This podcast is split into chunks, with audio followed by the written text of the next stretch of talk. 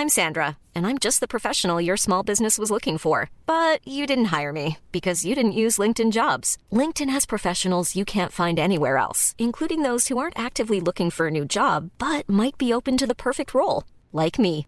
In a given month, over 70% of LinkedIn users don't visit other leading job sites. So if you're not looking on LinkedIn, you'll miss out on great candidates like Sandra. Start hiring professionals like a professional. Post your free job on linkedin.com/people today. Hey there, it's Michelle Norris. I'm host of a podcast called Your Mama's Kitchen. When I travel, I'm usually looking for a way to find a taste of home when I'm not at home. And one of the things I love to do when I am at home is entertain. And Airbnb allows me to do that. When I was in California recently, I rented a house that had a great kitchen. And when we were sitting around the table, we we're all thinking, we're in someone else's house. Someone could be in all of our homes as well. If you have a home, but you're not always at home, you have an Airbnb. Your home might be worth more than you think. Find out how much at airbnb.com/slash host.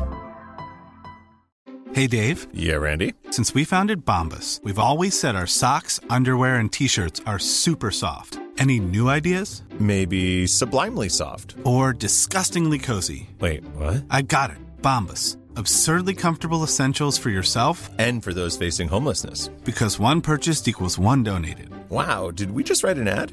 Yes. Bombas. Big comfort for everyone. Go to bombas.com slash ACAST and use code ACAST for 20% off your first purchase.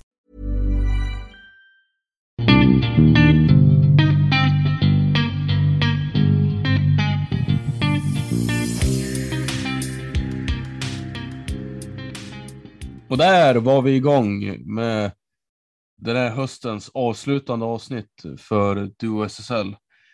Eh, Hur är läget Gurra? Det är bra, det är bra. Tack. Jag har ingenting att sådär anmärka på direkt. Eh, hur mår du? Jag vet ju att du har åkt på en eh, liten smäll här tidigare, men det, du har väl börjat repa det nu va? Det stämmer bra. Jag åkte på... Så är det. Jag åkte på eh, en eh, värre förkylning faktiskt. Efter julfirandet här.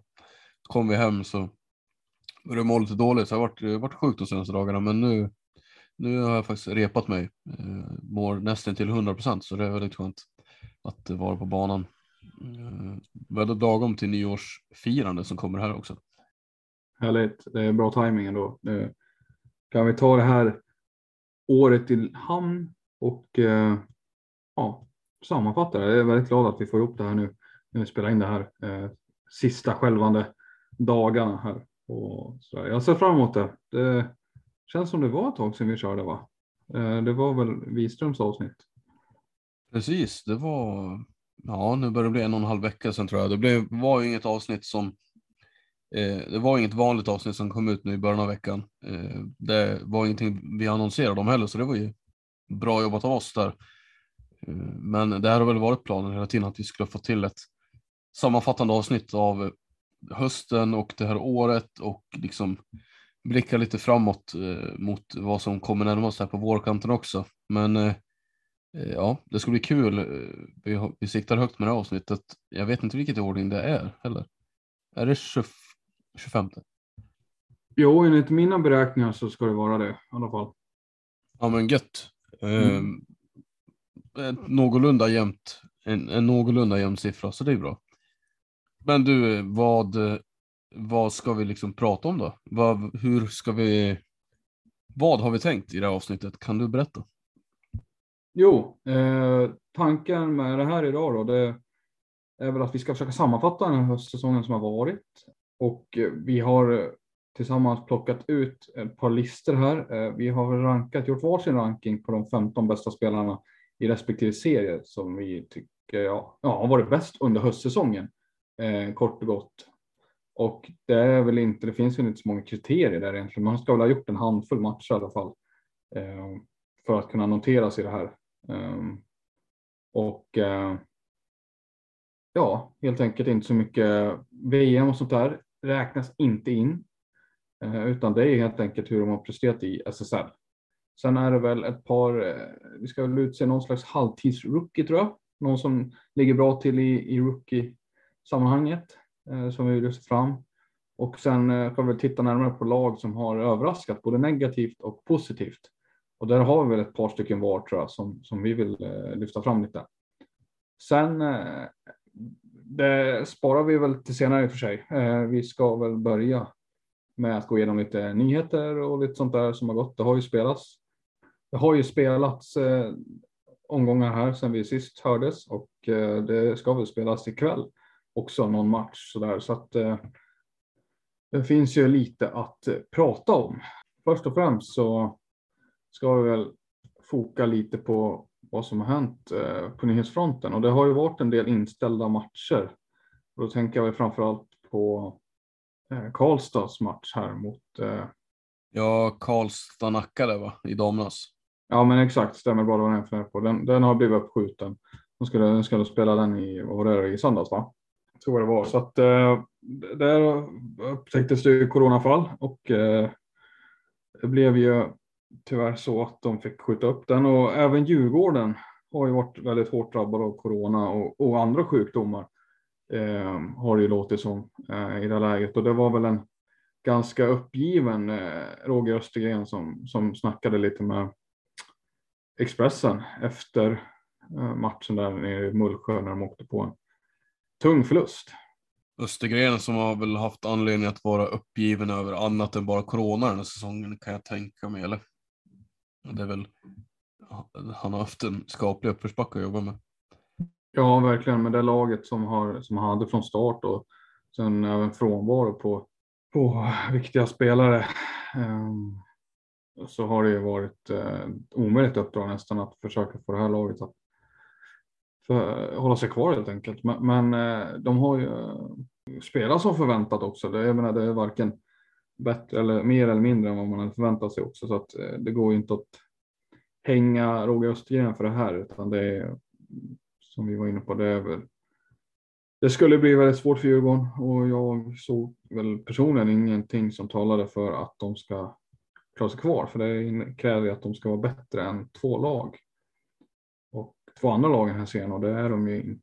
Alltså det, är, det närmaste man, ja det närmaste är ju hagen då. Eh, Hagunda och Sirius då. Eh, Sirius kan man ju absolut, känns ju som det är hugget som stucket i en match just nu liksom, vem som skulle vinna det och Hagunda har ju haft, eh, gjort starka resultat utifrån förväntningarna. Men, eh, men det är fortfarande ganska lång tid kvar på säsongen och just, ja, eh, det är fortfarande inte helt kört för Djurgården. Eh, tycker jag i alla fall. Eh, de har, ja, eh, som jag sa, de har, det är ju mer än halva säsongen som återstår och Hagunda har Eh, i, i talande stund i alla fall en match mer spelad där. Eh, så ja, man har ju fortfarande möjligheter att göra någonting här.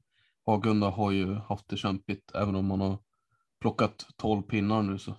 Och även om det är mer än vad man kanske trodde så är det fortfarande eh, en lite kämpig säsong för, för det här laget också. Det är inte så att man har, det är inte så att de har imponerat jättemycket på, på mig så med sitt, sin eh, lagbredd liksom. De har ju en formation som gör det åt dem, även om nu på slutet har det ju faktiskt eh, kommit eh, en del från en sån som Jonathan Blomqvist också. Och det har ju varit välbehövligt att man haft mer än den här första formationen med Jansson och Abrahamsson och Åkerfeldt i spetsen som, som gör det liksom. Så det är jätte, jättebra och det gör ju att man kan vara med och hota i matcherna på ett helt annat, helt annat sätt också. Jag skulle fortfarande inte sätta dem så pass långt för Djurgården. Eh, jag tycker Djurgården bra. Eh, nu ska inte det avsnittet handla om Djurgården så, men vi kan ju ändå sammanfatta liksom vad de har gjort hittills den här säsongen och stundtals så visar de ju att de kan, att de är med och spelar på den här nivån liksom. Men det räcker ju sällan över 60 minuter. Nej, det är väl det som krävs för att de ska leverera eller för att de ska kunna klara sig. De, har inte råd att spela bra innebandy i 15-20 minuter. Det lär de ju orka göra och klara av i, i 60 minuter. Men jag tror verkligen inte på någon positiv förändring här överhuvudtaget. Halva serien är spelad. Nu är det vårkanten kvar. Eh, jag förstår inte hur det ska räcka med de, de här spelarna. Det är fortsatt så att Sirius är ju favoriter i den bottenstriden och när de lagen mötas så tror jag ju mer på Sirius fortfarande. Hagunda har mycket bättre spelare. Det är en helt annan, helt annan maskin, en helt annat lag som är sammansatt med en kärna av spelare som har rutin från höger, från SSL tidigare. Uh, ganska nyligen i Jansson och Åkerfeldt till exempel. Det är ju Hagunda, Jönköping man ska passera. Jag, jag förstår absolut inte hur det ska vara möjligt för Djurgården. Jag tror att det blir jumbo, raka vägen till allsvenskan, ta omtag och sen så kommer det nog dröja innan vi ser Djurgården i SSL igen. För det krävs en helt annan satsning av en förening än, att, än det som har gjorts här. Och eh, det, jag tycker det ser mörkt ut. Jag tror, det kommer, jag tror våren kommer fortsätta i samma anda som hösterna löper på här. Det var ju det är kul att vi har lite olika åsikter om det.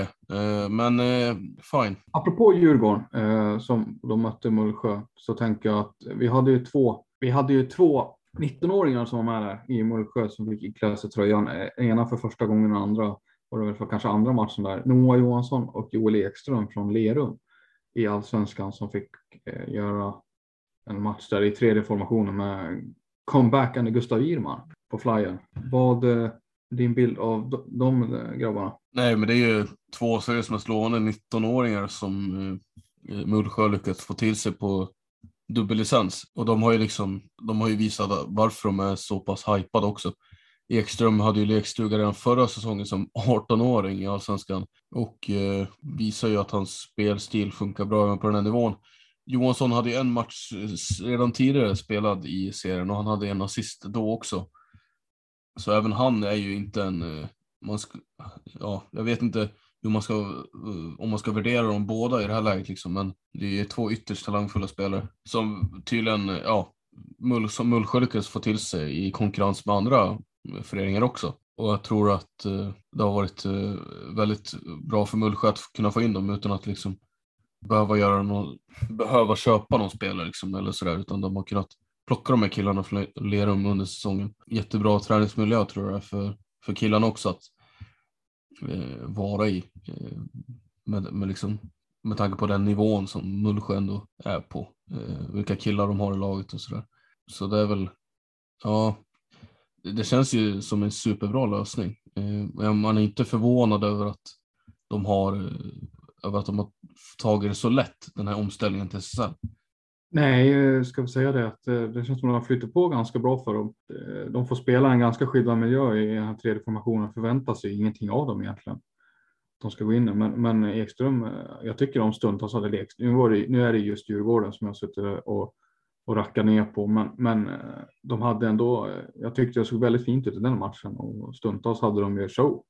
Edström gjorde väl fyra pinnar någonting sånt där. Eh, och det har ju diskuterats huruvida hans framtid ser ut framför allt. Han är väl den stora fixstjärnan i Lerum.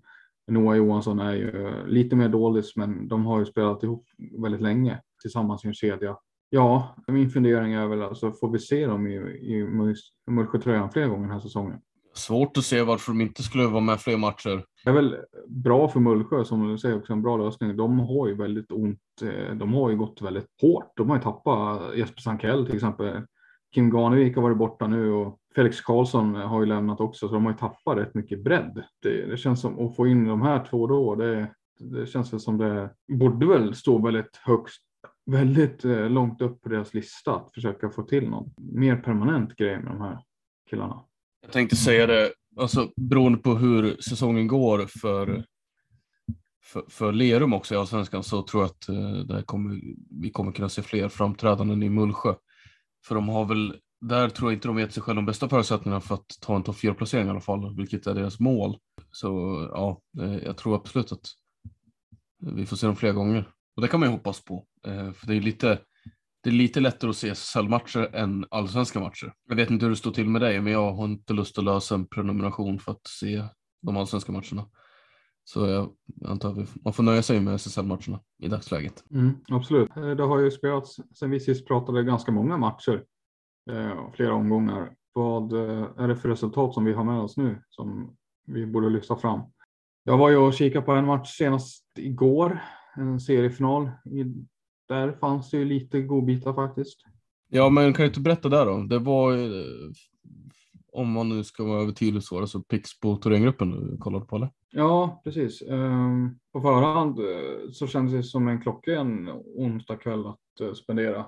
Och jag blev ju inte besviken kan jag säga efteråt det var en otrolig urladdning skulle jag vilja säga. Pittsburgh gick väl som de, många säkert redan vet eh, segrande ur det där. Eh, 8-4 till slut blev det eh, och jag var, eh, ja, jag, jag vet inte riktigt om jag hade förväntat mig det. Absolut inte hemmaplan för Pixbo. De, de kan vara otroligt starka, men jag hade kanske inte trott, vågat tro på det ändå med tanke på hur överlägsna Torén har varit den här säsongen. Så att jag, och jag, jag vet att jag skrev till dig efter matchen också eh, där och, och, så, och du var ju lika förvånad som jag. Ja, men kan du inte försöka beskriva vad, vad var det som, hur, hur lyckades Pixbo vinna mot Thorengruppen? Men man, man lyckas ju neutralisera, dels hade man i, i alla fall första 25, första halvan eh, kanske 40 minuter till och med hade man ju väldigt mycket bollinnehav. Och jag tror systrarna Kauppi rörde ju knappt bollen på hela första perioden. Och där måste jag ge det jättestort cred till Pixbos backar framförallt. Otroligt lugn med bollen. Och liksom en extrem kyla. Ida Sundberg, Lara Manninen var hur bra som helst. Florina Marti likaså, jättefin med bollen. Löste en stor del av den höga press som Thorén kör med och som har eh, lönat sig väldigt många gånger för dem. Eh, där fick de inte riktigt utdelning på. De skapade ett par vassa lägen eh, i första perioden, men de lyckades inte riktigt sätta det. Hade de satt det så hade de haft en ledning med sig tror jag in i andra perioden. Eh, men där fortsatte det lite grann i samma stil tycker jag. Eh, Pixbo var å andra sidan väldigt kliniska och var ju de som straffade eh, istället åt andra hållet kontra in ett par fina. Och då måste jag lyfta fram den kedjan med Emma Stenberg och Kajsa Elm och Klara Loneberg. Extremt bra och vass. Alltså, Stenberg tycker jag har tagit jättemånga steg och, och är så otroligt farlig i ja, fram, ytan framför mål helt enkelt. Så Pixbo straffade ju Thorén i spelvändningar väldigt hårt och det blev ett par markeringsmissar och, och där var det väl framförallt den finländska femman som var inne med Kaupen, med Kippele, Myra Aggestål var där. Nelly Ögren fick ju chansen också i den formationen, men sen skedde det lite blockader där. Men det var väl framförallt de som, som straffades ganska hårt. Och det är ju inte bra att det är den femman som ska leda laget. Eh, får ju absolut inte gå minus. Eh, sen är det värt att notera att två av Thoréns mål kommer till i PP. Efter att Pixbo onödigt, tycker jag, hade satt sig själva i en dålig sits och eh, tagit onödig utvisning helt enkelt. Så att Thorén gjorde ju två spelmål. Pixbo fick ju ingen special teams Eh, med sig så att de gjorde ju, de vann ju 8-2 tror jag om man tänker så. Eh, sista kassen var ju öppen mål där Kajsa Elm kom fri. Men, men Pixbo stängde ner eh, Thorén väldigt hårt och de fick spela mycket på utsida. Och eh, sen hade de ju, de har ju världens bästa målvakt, Lara Heine alltså. Hon var ju helt otrolig igår också, hade någon tv-räddning. där hon slänger sig. Så ut, hade inte hon stått så hade det varit en jämnare match, helt klart. Men Pixbo var ju extremt bra och, och kompakta och, och spelade med väldigt stort tålamod. Och, och sen när de väl fick chanserna så, så satt de ju. Eh, Stenberg har jag redan nämnt. Denisa Ratajova hade ju någon aktion där hon plockade ner någon boll. Eh, en hög boll från Marti tror jag det var och så slår hon in den liksom eh, på halvvolley. Det är liksom konstverk bara det. Mia Karjalainen av alla tror jag också drömmer till någon så här halvvolley. Det, det, var, det känns som allt gick in nästan. Det är intressant att se hur Thorén studsar tillbaka för det kändes som det tog bara så här kort efteråt känns som att det, det var inte såklart. Det var inga lätta huvuden. Det var ganska tungt. Samtidigt är det ju så här att ska de förlora någon match på en säsong så är det väl en bortamatch mot Pixbo tänker jag. Men, men det kändes som den tog ganska hårt ändå. Ja, alltså det kan jag ju förstå liksom. För nu har man ju under ett par år, säsonger nu har, man ju, har det blivit allt tydligare och tydligare att eh, det är de här två lagen som Alltså, alltså, det har ju blivit så tydligt med den här med att Thorengruppen är, är ettan och Pixbo är det näst bästa laget. Och det, det, kan jag tänka mig att, eh, som du säger, man förväntade sig inte att även om det är på bortaplan mot Pixbo, Pixbo är hemmalag, man tar emot Thorengruppen så tror jag ändå att Thorengruppen själva kanske inte räknar med det, men är ganska övertygad om att den här matchen ska vi kunna vinna.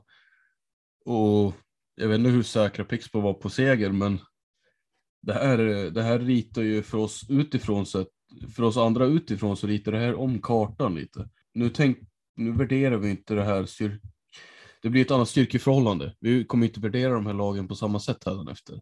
Det rör ju till det lite i skallen och framförallt i tabellen där Pixbo har slagläge att ta första platsen. Så, så det här är ju jätte, det här var ju en jättebra seger på det sättet tycker jag. Jätteuppfriskande. De går in i nya året med det här också och kan liksom hämta kraft utifrån det här. Det, det är som att, ja det är som säger, de, de har slagläge nu och kan ju faktiskt gå om Torén på den positionen. Vilket är he helt otroligt. Ja, Torén hade ju väl inte förlorat en match innan det här och det har ju inte Pixbo heller, men de har väl haft någon eh, tors, eller vad blir det, någon eh, så förlängning som de har fått ta till. Men inget av lagen hade ju förlorat. Men, men med tanke på ja, Torén och så, det räcker att säga så, så absolut inget man förväntar sig. Eh, det, det, det, här, med det här sagt så blir det för mig allt mer tydligt att det finns inga andra lag som kan stå i en, i en final, tycker jag. I ett slutspel över flera matcher så finns det inga andra lag som kan till slut stå i en, final. Det är väl de här, alltså visst Endre och kanske Rönnby kan störa ett lag som Pixbo kanske eh, i en match i en grundserie. Men jag menar i ett slutspel sett över flera matcher så är det väl inget annat lag som kan rå på de här två. Nej men alltså inte när man möter den defensiven som Pixbo har liksom. Eh, visst, man kan också säga att Thorengruppen har haft en dålig dag och sådär. Men, men det är ju det är förmodligen landets bästa försvar, eh, världens bästa försvar. Med all sin stjärnglans som Thorengruppen har så är de ändå inte lika bra defensivt. Eh, där de, där de, det som gör att de är etta är ju deras fantastiska offensiv och bredden på de positionerna. Men möter du ett lag med den defensiven så kommer det så oerhört svårt att göra mål. Och eh, sen har ju de väldigt kompetenta spelare framåt också. Eh, ja, eh, kontringstarka framförallt som är väldigt kliniska. Som du inte heller får släppa ytor till eller så där, alltså, du har inte råd att liksom slarva och tappa bakåt. Som, vi så, som, jag, som jag såg att så var fallet igår i alla fall. Som, exakt som du säger. Jag menar, men jag tror inte att, om vi nu pratar slutspel, jag tror inte Pixbo kommer kunna göra en sån här match, alltså sån här, en sån här match varje match, utan det kommer ju, man kanske inte kommer vara hundraprocentiga, men eh, vi har ju redan, alltså med den här delen in på säsongen så kan vi konstatera att de, både de och Thorengruppen har ju återigen distanserat sig från övriga lag. Endre har ju inte varit lika starka som var tidigare år och Rönnby har ju varit väldigt, eh, alltså imponerat ganska mycket liksom. Men det är tydligt att de, eh, de är inte på samma platå. Nej, absolut inte. Eh, och just den platån du nämner, det för mig in på lite om man över, kollar igenom tabellen lite grann så är det ju, finns det ju ett par, ska man säga, det är väl, är det fyra skikt i tabellen egentligen, eller vad säger du? Det, du har, du har Torén och Pixbo, det är väl toppskiktet, sen har du lag som eh, Rönnby, Endre, Sirius, eh, Karlstad och Malmö nästan skulle jag slänga in där. Och sen så skulle jag vilja påstå att du har ingenmanslandet med Varberg, Nacka, Täby, Falun och, och Mora. Eh, för att sen komma till våra jumbolag Lund och Jönköping. Ja, eh, absolut.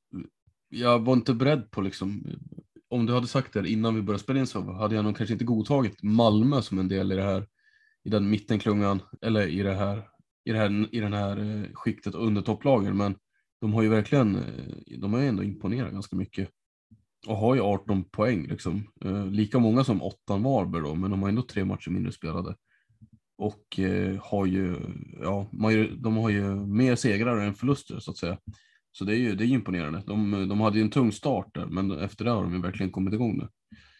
Men eh, om man ser så, den, vi har väl en topp 7 som har utkristalliserat sig. För, för Sirius ligger ju femman på 20 poäng eh, strax bakom eh, Endre då. Eh, och sen så har du ju Karlstad och Malmö som ligger strax bakom, men de har ju en match mindre spelad och skulle ju rent teoretiskt kunna gå om eh, Sirius där. Alltså, och sen har de ju lite distans får man säga till Varberg som har spela många fler matcher än de flesta av sina eh, kollegor och, och ligger trots det där de ligger så att säga. Så det känns som att vi har en topp 7 SSL utkristalliserad. Ja, men det tror jag ändå. Absolut, absolut har vi så. Som sagt, Malmö, det är imponerande ändå att de har, de har, de har smugit lite grann nu på under den här, under de senaste veckorna och månaden kanske, men de är ju verkligen, eh, ja det är starka resultat de har med sig nu i det nya året. Och eh, skulle inte bli förvånad om de klättrar ytterligare någon placering eh, de kommande veckorna här liksom. Eh, den eh, one-two punchen med Rasmussen och Maja Ekström är ju skaplig att, att, att ha. Det är inte många som sitter på en sån eh, poängstark duo. Alltså, fast jo, eh, vissa lag. Är... Ja, fast okej, okay, nu innan du, Karlstad, har de någonting sånt? Nej, det har de inte. Sirius, nej, Sirius har inte det heller, även om de har DJ i laget. Eh, har inte de en sån one-two punch heller. Eh, Endre, nej, det skulle jag inte heller vilja påstå. Ros och Bäckstedt. Ja, okej, okay, kanske. Ja, nu får du lugna dig. Ros och ja. Bäckstedt. Ros, Ros måste vi faktiskt uh, nämna här. Hon har ju varit Absolut. riktigt het tycker jag. Absolut, hon ligger topp fem är nästan i målligan tror jag. 19 baljor har hon pissat in. Ja, hon har börjat bli någon riktig sniper den här spel, eh, spelgeniet Ros. Ja. Men okej, okay, ja, men Sirius, okay, så, men Sirius och Karlstad i alla fall skulle jag vilja påstå inte Nej, har... det köper jag. Köper, köper det. Rönnby nästan också, fast Rönnby har ju den här Kajsa Johansson och, och Vilma Johansson och sen strax bakom Mira Wickman som tredje längst. Så där, ja, jag köper Karlstad och Sirius. Det, det, det får du. Det, ja, då får vi se helt enkelt vad, vad Malmö hittar på här. Eh, men eh, det kanske är jag dags för skolan. Alltså, jag är inte hundra på Malmö att det här är liksom Eh, att det här kommer sitta tills vi, tills vi summerar hela säsongen, tills vi summerar grundserien. Men jag har ju svårt att se att Nacka och Täby ska gå om i dagsläget. Och Falun vet jag inte riktigt heller. Varberg tror jag inte på. Jag tror Varberg får slåss för en åttonde plats. Men just eh, när det gäller Malmö, att passera dem, det jag är lite tveksam på hur, vilket lag som skulle göra det i så fall. Men både, både Nacka, eller både Täby och Falun har ju en match mer spelad dessutom, så de har ju verkligen eh, gett över, eh, vad, vad heter det? Eh, ja. Men, typ. ja, men initiativet, eller vad ska man säga, bollen ligger hos Malmö lite grann. Mm, nej, men absolut, absolut. Eh, sen är det väl kanske du och jag, vi, jag tror vi kommer komma in lite mer på det här sen, men bara, vi tar det nu också. Du och jag är väl båda överens om att både Falun och Täby har väl kanske mer att visa än vad vi har sett hittills. Ja, där vet man ju att det, det, det finns ju spar, eh, sparkapital sett till trupp, eh, trupp, truppbyggena så alltså finns, borde det i alla fall finnas mer att hämta där. Nacka vet man ju att det finns inte så mycket mer att kräma ut än vad man kanske redan har gjort. Eh, så absolut. Eh, Faluns seger här nu senast kanske startskottet på, på en vändning som kommer. Ja, vi får väl avvakta och se där. Men men nog fan känns det som att man ska kunna ta sig i kapp lite grann i alla fall. Det, det är på tok för lite inspelad poäng de har sett till vad de värvade och, och sådär. Vi, vi sa ju det innan det att de har ju bytt målvakt nu de senaste matcherna också. Eh, till det, till Gidlund har vi fått spela istället för Ida Hedén. Jag vet inte hur mycket effekt det har gett egentligen, men nu när de vann senast kanske det, det finns ett case för Gidlund att fortsätta spela. Ja, vi pratade om det innan vi tryckte på knappen här också, men just det är väl det som är Faluns, har varit Faluns stora problem. Det är deras defensiv. De har ju släppt in mest mål i serien tillsammans med Varberg. Men, men där vet jag inte hur mycket man kan lasta Ida Hedén för det här fallet. Men hon har ju helt klart inte varit så bra som har behövts sett till att eh, det har ju läckt för mycket bakåt och, och det är ju inte målvakts eh, utan när man ser Falun så är det ju, ser det väldigt virrigt ut ibland och det är lite för mycket orutin, det är lite för mycket positionsmissar eh, och sådana saker. Det som sätter målvakterna i väldigt svåra lägen. Som sagt, det, ja, det är inte där den stora problemet sitter, utan jag tror att det sitter i det eh, försvarsspelet. Alltså bland utespelarna helt enkelt. Som du säger, Hedén hade väl behövt vara bättre än vad hon har varit för att eh, få, få alltså skademinimera helt enkelt. Men, men det har hon ju inte varit. Så, att, eh, så ser, spännande att se Gidlund här. Hon är ju ganska ung, hon är 19 år. Vi kan väl gå vidare. Jag vet inte om vi ska, vi kan ju byta serie tycker jag. Eh, här, eller ja, innan vi gör det kanske vi ska också ska nämna en nyhet eh, som har dykt upp eh, är ju Pixbo Amanda Berggren som drog på sig en eh, säsongsavslutande skada i en match här tydligen är, ja det är korsbandet som, som är rykt, eh, som hon måste eh, rehabilitera då. Och eh, hon förväntas vara borta ja, definitivt resten av säsongen och ja, en ganska bra tid framöver kan vi väl bara liksom säga. Det här är väl ett, ett ganska tufft slag mot Pixbos eh, SM-guldsjakt ändå. Även om man nu vann mot Thorengruppen.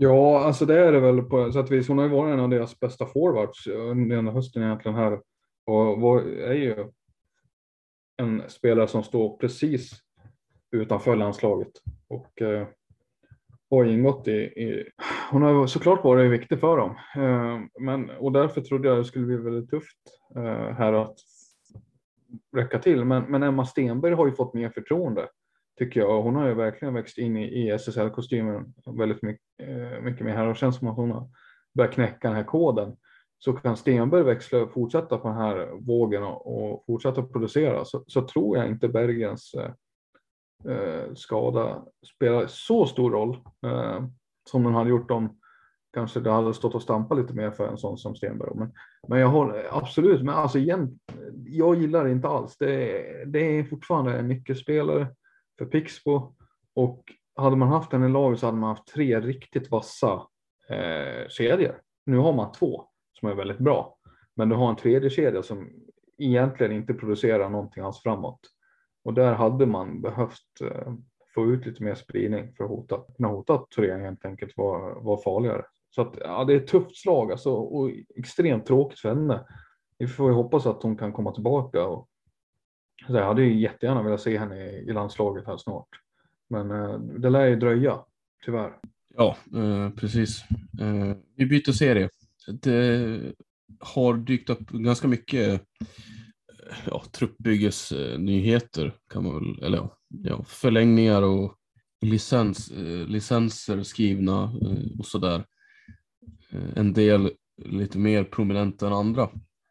Men eh, innan vi tar det, ska vi ta matcherna kanske, eh, som vi har gjort nu, tacklat eh, damserien. Jag tycker, jag tycker det är värt att nämna i alla fall att vi har ett Storvreta som på nytt eh, hackar. Eh, vad, vad, tänker du om det? Ja, men oroväckande såklart. Jag vet inte riktigt var, var det sitter någonstans, vad det handlar om. Eh, det är spelare som borde ha kommit tillbaka från landslaget med energi och motivation och bara kunna bygga vidare på, på den framgången som man hade där. Eh, men ja, det känns som att eh, det kanske är lite baksmälla det handlar om. Det är inte riktigt varit storheten som var sig självt. Eh, tre raka torsk här nu det kan vara så att det är lite, lite av det firandet som man hade kanske sitter kvar i kropparna här nu. Du har ju några som är Kosta Bredberg och Stenman, eller Nilsbert Gustafsson, Albin Sjögren. Ja, äh, nej, det är mångt och mycket tycker jag Filip Eriksson som gör Eh, bär det här laget just nu och han är lite för ensam i det här. De andra har fallit ifrån tycker jag efter VM. Så att, eh, det, det är nyckelspelaren som jag tycker saknas lite. Det var väl ett tag sedan, eh, alltså, vad är din bild av Storvreta? Det är ju en maskin som jag lärt känna. Jag kan inte minnas när de hade den här tre på rad senast. Nej, inte jag heller. Det är ju inte, man låter som en, eh, man låter som en megafon som har gått sönder, men alltså eller en skiva, LP-skiva kanske man ska säga snarare än megafon. Men eh, ja, man, man upprepar sig själv eh, för att det är inte det stora att man är van att se. Jag kan inte heller minnas exakt när, när det här var. Liksom. Man kan inte måla allt för svarta rubriker. Det är ändå en ganska jämförelsevis stor, eh, stor ombyggnation man håller på med. Liksom. Och en ny identitet som man inte har sett under 10-talet. Som man, som man försöker bygga då. Och det är klart att man inte eh, man kan inte förvänta sig att det ser likadant ut. Därmed sagt eh, så är det på tok för dåligt att ha tre raka förluster om man är Storvreta. Eh, men, men det känns ju inte som att jag, får inte intrycket av att alla älskar att spela i lag, alltså att alla älskar att spela inman just nu när jag ser dem spela. Eh, Nej, det känns inte som att de det känns som att det är lite jag vet inte hur dynamiken riktigt Nej, är i laget. Så, hur, eller vad... ser, hur, ser- hur ser det ut? Jag menar, du har ju tappat karaktärer som Stenberg och Pettersson och Samuelsson såklart som var väldigt viktiga tror jag för gruppen. Alltså hur har de lyckats få ihop den här verkligen? Det kom in, Stefansson har kommit in, Weidman har kommit in. Eh, vad har du mer? De här, du har Enqvist och Vigger som kommer in. Alltså har man fått ihop det? det jag tror att vi kanske tänker likadant där. Nej, men jag, jag vet faktiskt inte. Det, man kommer förmodligen få mothugg på det här, men intrycket jag får är inte att det, det är inte folk som älskar att vara där de är för tillfället i alla fall. På planen, det vill säga. Så Det är en väldigt intressant eh, spaning med tanke på att det är ett av Sveriges bästa lag de tillhör. Så det, det är en varningssignal att eh, det, om det nu är lite så som du säger, då är det någonting som, som behöver förändras eller då är det någonting som ligger och skaver. Och det, det, det, jag kan känna att det är svårt den här säsongen tror jag för ett lag att gå hela vägen om det, om det ligger och skaver saker inom gruppen. Eller vad tänker du? Ja, men precis. Eh, å ena sidan så är det ju säsongen ganska lång och man kommer kunna, man kommer kunna jobba på någonting sånt här eh, om det krävs, om det är det som behövs. Men, men för att ta ett exempel, ett lag som känns betydligt mer sammansvetsat är Linköping och de har det gått betydligt bättre för. Liksom, de, de, är en- de är otroligt formstarka just nu. Ligger också tvåa i serien. Och de har sju matcher de, de har inte vunnit lika många matcher på ordinarie tid som eh, Mullsjö har gjort till exempel. Men man tar matcherna ofta till förlängning och där vinner man eller förlorar man. Men bara det att de tar matcherna till förlängning betyder att eh, dels är de otroligt svårslagna över 60 minuter. Men eh, sen, är det också väldigt, sen visar man också väldigt stark karaktär när man lyckas göra det. Och sen i de fallen man vinner matcherna så är det ju jättestarkt. Eh, man gör det mot väldigt bra lag dessutom. Nu senast mot just Storvreta. Eh, matchen dessförinnan tog man till straffar mot Dalen där man förlorade liksom. Men straffar är ju liksom, ja det är ju vad det är på något sätt. Jag menar, där har de inte haft så stor trupprotation heller. Eh, man har kvar Palmén där, man har Karlsson där, eh, Oskar Sett, Oskar Hovlund, Andreas Blom, eh, Olle Abrahamsson, Jesper Alm, eh, Jendrisak. Alltså, det är de här killarna som fortsätter göra det. Och eh, det, det lär vi väl också nämna medan vi ändå håller på. Eh, att Andreas Blom, Oskar Hovlund och Oskar Sett har förlängt med klubben. Det är ju tre otroligt starka kontraktsförlängningar, eller vad, vad säger du om det? Ja, vad, jag tänkte faktiskt bolla över den på dig på en gång. Men alltså, vad känner du? Vi har väl båda sett och följt dem. Eh, de har ju börjat bli ganska rutinerade nu, framför allt. Eh, Blom har ju fått stå tillbaka lite, men, men Sett Seth och Hovlund har ju haft ledande roller ganska länge i det här laget nu. Vad, vad är din bild? Det, jag känner så här, att det är ju två ryggradsspelare att bygga på. Jag tycker det är helt rätt. De är 22-23 år gamla, bara båda två i rätt ålder. Har redan, är redan jättebra SSL-spelare eh, och har många år framåt kvar. Och, och det känns som det är Linköpingsspelare, Linköpingsgrabbar. Jag tycker det är rätt att bygga. Jag tycker det är så man ska göra. Håller du med mig i det? Ja, men absolut. Och särskilt en sån som Holund då som knackar på dörren till landslaget och eh, är en liksom en är en difference maker på eh, helt eh, alltså på, på, på ett helt annat sätt. Eh, det är det som gör att han sticker ut tycker jag mot mot Seth då till exempel som är också utespelare. Eh, om man ska jämföra de två. Eh, han är ju den, för mig den klart bästa spelaren av de två. Och eh, på en backposition som Linköping förvisso är ganska duktiga på att hitta andra spelare på så är det såklart eh, ja, det är, det är en väldigt viktig spelare att behålla. Eh, jätte, jättebra liksom. Eh, helt rätt ålder är de, det- sa du också. Men särskilt, särskilt Hovlund värderar jag högt. Eh, det här, var, det här var också en övergång från där vi pratade om det här med lagsammanhållningen och eh, dynamiken och så här, men det känns verkligen som, som helt rätt spelare att bygga på för Linköping. Och ja, det är ju det är liksom, de jobbar helt enkelt på ett annat sätt känns det som än vad Storvreta gör just nu. Och det var väl där jag försökte komma någonstans att eh, Eh, ja, eh, jag, jag, kan, jag, jag tror att det går att härleda sättet de jobbar på också till vad vi har för resultat i tabellen eh, för tillfället. Ja, ja men precis. Ska man leda in, du har ju andra ytterligare ett par unga killar. Filip Samuelsson och Emil Lögberg som spelar första backport tillsammans nu. 20-21 år gamla. Eh, som spelar hur bra som helst och verkligen vuxit in i SSL-kostymen här. Lögberg var ju eh, typ matchens lirare senast mot Storvreta till exempel.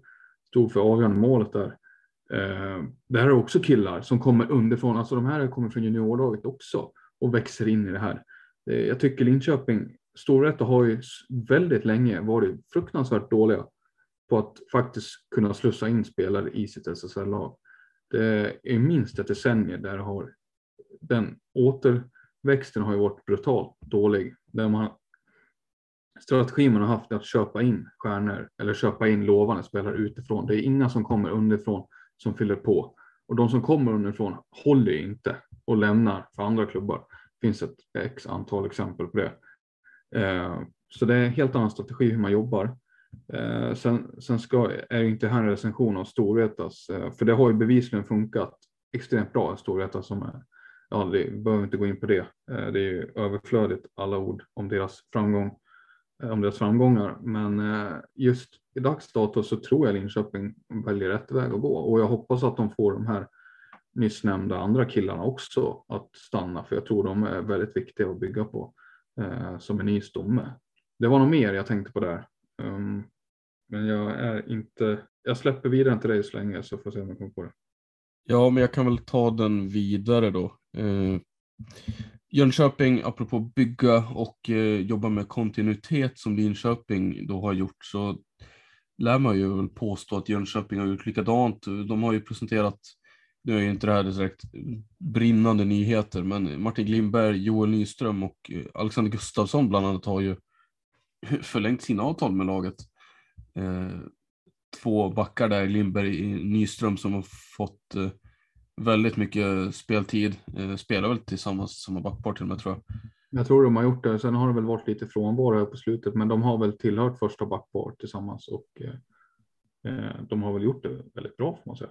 Ja, men jag tänkte säga det. De, de spelar i samma backpar för det mesta och trivs, ser ut att trivas väldigt bra tillsammans. Fin kemi där tycker jag speciellt Nyström, eh, för mig de senaste, från förra året och framåt så har jag eh, börjat, eller så jag lagt märke till honom liksom. Tidigare, jag har haft dålig koll på honom tidigare, men jag, jag börjar bli mer och mer förtjust i hans spelstil. Han ser väldigt eh, självsäker ut med bollen, i alla fall den här säsongen och liksom eh, ja, jag skulle vilja påstå att det är han som eh, kanske är den bästa spelfördelaren bakifrån sett i deras lag eh, gillar, gillar det skarpt, liksom, hur han eh, utmanar med bollen liksom, eh, vad det gäller passningar och i löpmeter. Liksom, så. Sen, eh, sen som jag sa, Alexander Gustafsson, deras första målvakt, eh, kan man ju på, säga att det har förlängt sitt avtal också. Eh, det är väl också en bra värvning liksom, kan jag säga. En bra förlängning, precis. Ja, en, en bra förlängning, liksom så. jag vet jag vet som inte. Det, det är så här, det är Jönköping också. Det, det är, inga skär, det är ingen stjärntrupp de eh, sitter, sitter på. Och det faktum att det är Joel Nyström som gör att jag blir mest eh, engagerad i det här säger väl ganska mycket. Jag vet inte hur hög status Nyström har över landet eh, sett så, men det känns ju inte som att han får jättemycket cred för sitt spel i, för, i, hos den breda massan. Liksom. Eh. Nej, hans lillebror har väl fått mer cred i egenskap av han är alltså vad den supertalangen han är. Eh, spännande att se vad som händer med honom. Kommer han fortsätta? Eller vad, vad är din tanke där? Han, han är väl om något en spelare som man, det borde väl vara första prio tänker jag, eller? Men han eh, går väl sista året på gymnasiet nu, eller gör han inte det? Han är 03, så han borde göra det i alla fall. Jag vet inte, men eh, om man ska vara helt ärlig så tycker jag att eh, Nyström Joel då har ju överglänst honom eh, spelmässigt den här säsongen. Så att, eh, men absolut, framtidsmässigt, alltså, det, det, är väl ingen som tror att Nyström Hannes inte kommer vara en bättre spelare eh, vad det lider. Men eh, jag vet inte riktigt vad man, vad man ska tänka där. Jag menar, som alla andra stjärnor, eller tidigare Jönköpingsstjärnor har gjort så har, alltså man lämnar ju laget efter ett par säsonger. Man, man känner att klubben inte satsar som de ska. Eh, Vilka tänker du på då? Jo men Nilsen och eh, Weidman nu senast. Eh, de har ju väldigt svårt att behålla sina bästa spelare. Eh, men det är väl den platsen man har i näringskedjan. Man är ju tyvärr ett bottenlag måste man säga i, i SSL. Det är, väl den, det är väl där de ligger. Ja men vill då Hannes Nyström spela ett bottenlag? den frågan är väl lika enkel att besvara, tycker jag i alla fall, eh, som den är att ställa. Svaret borde väl vara nej. Det är väl inte någon som vill spela ett bottenlag om du inte hyser de största känslorna för föreningen. Nej, precis. Eh, Kommer, kommer Hannes Nyström bli så, kommer han bli den bästa spelaren han kan bli i Jönköping? Ja, samtidigt är det ju det. Han är ju given på fyra backar. Eh, kommer snart vara en av de eh, största, absolut viktigaste de har. Alltså han är garanterad speltid, får växa otroligt mycket som Weidman och Nilsen fick göra. Oskar Malmgren också likaså. Fick ju tid förtroende i gick när han kom dit. Eh, får ju växa och det är kanske inte så att han eh, kommer spela gick livet ut. Det säger man inte, men han kommer i alla fall kvar några år förhoppningsvis och växa och sen kanske ta nästa steg. Men, men under den perioden kan man ju hoppas att Jönköping har stabiliserat sig och blivit ett mittenlag eller liknande i SSL istället för att slåss för sin överlevnad som man lite får göra. Man, man har ju hamnat i ingenmansland ska man säga. Man har inte varit nära att åka ur riktigt tidigare år, men man har ju hellre varit. Man har också varit väldigt långt ifrån slutspel tycker jag. Så att eh, man har ju fått kriga där i ingenmansland och få gå på tidig semester. Man kanske kan hitta tillbaka till det och bygga vidare därifrån. Men har man inte Hannes Nyström eller Simon Hult i laget så tror jag det blir ganska svårt.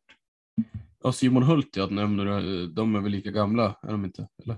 Ja, vi får väl avvakta och se vad som händer. Eh, jag vet inte vad Nyström tänker med sin, eh, ja, förutom ja, med sin civila, med sin civila del, liksom om man ska plugga eller hur det ser ut där. Eh, men helt klart en superviktig spelare för Jönköping som man borde, borde förlänga med om, om det går.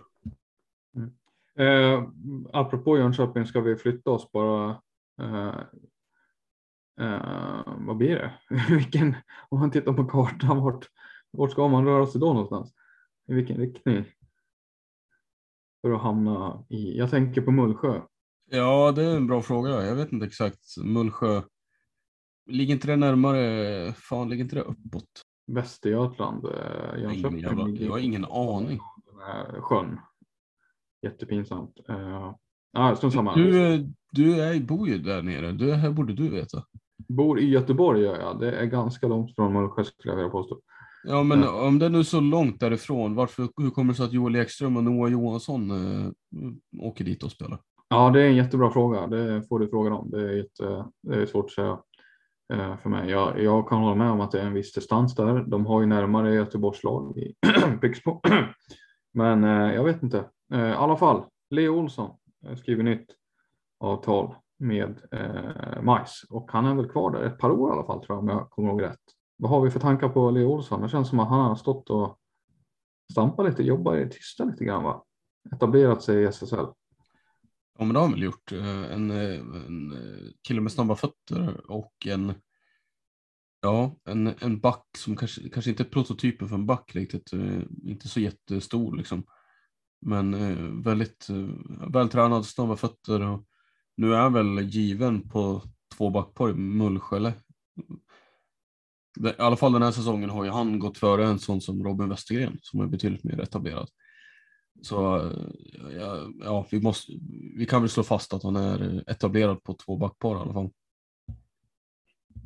Ja, men precis. Det, det skulle jag också vilja säga. Det, han och Kasper Hedlund har ju spelat väldigt länge ihop nu och, och gör det ju bra tillsammans. Så att, eh, det får man väl absolut säga. Eh, uh, blev lite, jag ska inte säga att jag blev förvånad, men jag var väl hade, hans polare Wille Knutas lämnade ju här för att gå tillbaka till division 1 och Hovslätt säger man va? Ja. Och då var ju lite tanken att Leo Olsson kanske gör det också eller tänker några andra banor. Han har ju nog spelat på säsonger i SSL nu. Han kanske vill göra något annat. Men nu blir han kvar och det, det känns ju också fint att de bygger på ungt och det finns en tillväxt i, i majs. Som, I den truppen som båda varit inne på, det, jag, jag upplever att de är tunna alltså nu. De spelar ju väldigt hårt på två backpar som sagt. Det är inte alla lag som gör det. Ehm, och fem backar ibland. Liksom det, ja, de går, matchar väldigt hårt och det känns som att går Hedlund sönder, går Malmgren sönder. Ja, hur ska den backsidan se ut då? då? Nu har Gidske gått mycket center i och för sig. Daniel Gidske kan ju spela back också. Men, men jag, tycker, jag upplever inte att, jag upplever att det finns en tunnhet där på den sidan. Apropå att få fram egna spelare. Eh, hur länge sedan var det vi såg i... Ja, hur länge sedan var det vi såg Mullsjö plocka fram någon egen spelare som... Ja, som, som eh, ja, eh, det jag vill komma till är väl att eh, de, de har ju inte jättemånga rightarbackar. Ja, det är Hedlund och Malmgren. Sen har de ju, de, alltså bredden på backsidan som du sa, väldigt tunn. Och där de väl har då som får täcka upp är väl inga rightare heller. Men förutom Olsson då, Knuta som kom fram nu som sen gick tillbaka till Håslet. Eh, så tyck, var inte det ganska länge sedan man såg Mullsjö plocka fram egna förmågor liksom. Eh, som, som inte var också Oskar Malmgren man, som man värvade in från Jönköping. Ja, nej, han räknas ju inte så tycker jag, men alltså om man tittar eh, juniorlag och sådär, alltså, då är det väl just Ganeviks och Palmqvists generationer, 94 tänker jag framförallt Palmqvist. Emil Kihlblom har ju lämnat, finns inte kvar idag. Arvid Wibing Lindqvist finns ju inte heller kvar, men e- Sebastian Palmqvist är kvar och det är väl den generationen. Va? För sen så blev det ju dramatiskt sämre måste man säga. Eh, 95 erna är det väl ingen som har tagit plats. Anton Edin räknar jag väl inte dit riktigt. 96 finns det ju ingenting. Det ju, jag tycker det har ju blivit mycket sämre får man säga i Mullsjö också, tyvärr. Och det har väl vi sett också att de har ju hamnat på en annan hylla eh, i toppen när de har kunnat plocka in spelare som Tim Braillard här, Janne Saug, eh, Oskar Malmgren värvade mig också. Det var ju alltså klassspelare utifrån, lite grann som den situationen Storvreta har varit i. Att man köper till sig, unnar sig eh, meriterade nyförvärv istället för att eh, bygga underifrån. En eh, värvning, en värvning som inte kan eh, skrivas in i någon av de kategorierna är ju Helsingborgs eh, drag med Fredrik Aselius, den gamle trotjänaren som är klar för comeback i truppen. Eh, 28 år tror han är. Eh, har, spelade ju fram till nyligen då i deras division 2-lag efter att han la ner sin elitsatsning men har nu blivit övertalad av tränare Niklas Paulsson att eh, gå tillbaka eller komma tillbaka och förstärka upp laget för resten av säsongen i alla fall. Vad, vad säger du om den, det draget av Paulsson och, och liksom att få in ja, att få in honom i truppen igen. Det är ju en bekant spelare för de flesta tror jag. Ja men absolut. Eh, jag tycker väl eh, det ser väl ingen större downside med det liksom. Eh, jag vet vad han får i Aselius, en hårt jobbande spelare som kan peta in någon boll också. Gör visst antal poäng också, men extremt hårt jobbande spelare i, i defensiv, defensivt spel framför allt. Snabb som satan, inte den största men väldigt stark. Snabb som sagt. Uh, vet vad han får, har spelat länge uh, i klubben. Uh, haft andra roller i klubben också. jag vet inte hur han ska in, var han ska in någonstans. Kan, det kan inte vara i något annat än den här, i en tredje femma antar jag. För jag tycker konkurrensen på sidan är väl för vass för att han ska in på topp i topline sen va? Eller vad tänker du? Det är klart. Eh, det är klart. Eh, sen eh, Paulsson beskrev det som att de hade, att de hade kanske saknat en till spelare med den, och den karaktären som han, som han har i laget. Och det är väl alltså, även om han inte ens skulle gå in på tre formationer som jag ändå tror att han kommer göra så eh, tror jag att han är väldigt värdefull att ha vid sidan av och i träningsgruppen. Eh, han bidrar med ganska mycket ändå. Eh, klart, ingen kommer ju känna att de är säkra på att spela om man inte jobbar åtminstone i närheten så hårt som han gör på varje match och varje träning. Men eh, det är klart att det optimala för Helsingborg kanske är att ha honom i en tredje formation. Jag tror inte han kommer med bara för att liksom sitta och heja på heller alla andra. Även om det är ett väldigt starkt lag de förfogar över. Men det, i någon av de här första formationerna kommer han inte gå in direkt. Nej, jag kan tänka mig, kan vi få se en tredje kedja med Danny Jonsson, Mr Magic, Oliver Johansson och nämnde Aselius? Är det möjligt? Förlåt, vad sa du? Kan vi få se en tredje kedja med Mr Magic, Daniel Jonsson, Oliver Johansson och just nämnde Aselius? Eller vad tror du? Men har inte Johansson, eh, spelar inte han back? Han, har- han är ju en uh, schweizisk eh, armékniv så att uh, det kan ju vara både och. Alltså det finns ju mycket, det är en jävla spretig blandning av speltyper i, i den kedjan, så absolut. Jag hade nog inte känt mig så alltså det hade varit den märkligaste kedjan att möta tror jag. Satan vad de hade förvirrat alla. Det, det känns ju som en, ja, Johansson får ursäkta där, men spretigt desto värre. Alltså, det är en riktig korpenformation. Du har, du har den här lite äldre Zorro-specialisten som bara ska göra snygga kassar. Sen har vi han som aldrig är tillräckligt bra för, som, men som springer hela tiden. Ursäkta. Och sen har vi Johansson där som, ja, en spelfördelare. Men ja, visst, absolut. Afzelius är den här grabben som är skitjobbig att möta. Han slutar aldrig springa. Och så tänker man han tar det här på så stort allvar.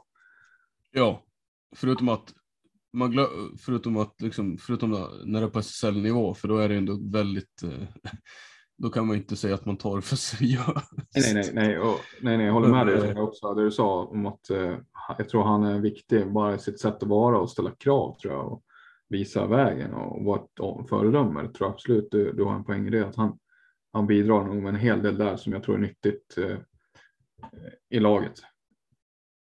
Fan vad han figurerar runt i den här föreningen. Alltså han var väl eh, klubbchef eller vad var han, typ någonting och sen eh, gå ner till division 2-laget och spela och träna med dem och sen ja nu ska han upp i SSL-laget igen liksom. Han är, han är överallt den här killen. Han nämnde väl det lite sådär innan. Alltså, vad är det hans fjärde comeback eller? Killen har inte ens fyllt 30. Han har ju, det är inte första gången han har kommit tillbaka så att säga. Nej, nej precis. Det är helt, eh, helt otroligt att han hunnit med så mycket på så kort tid.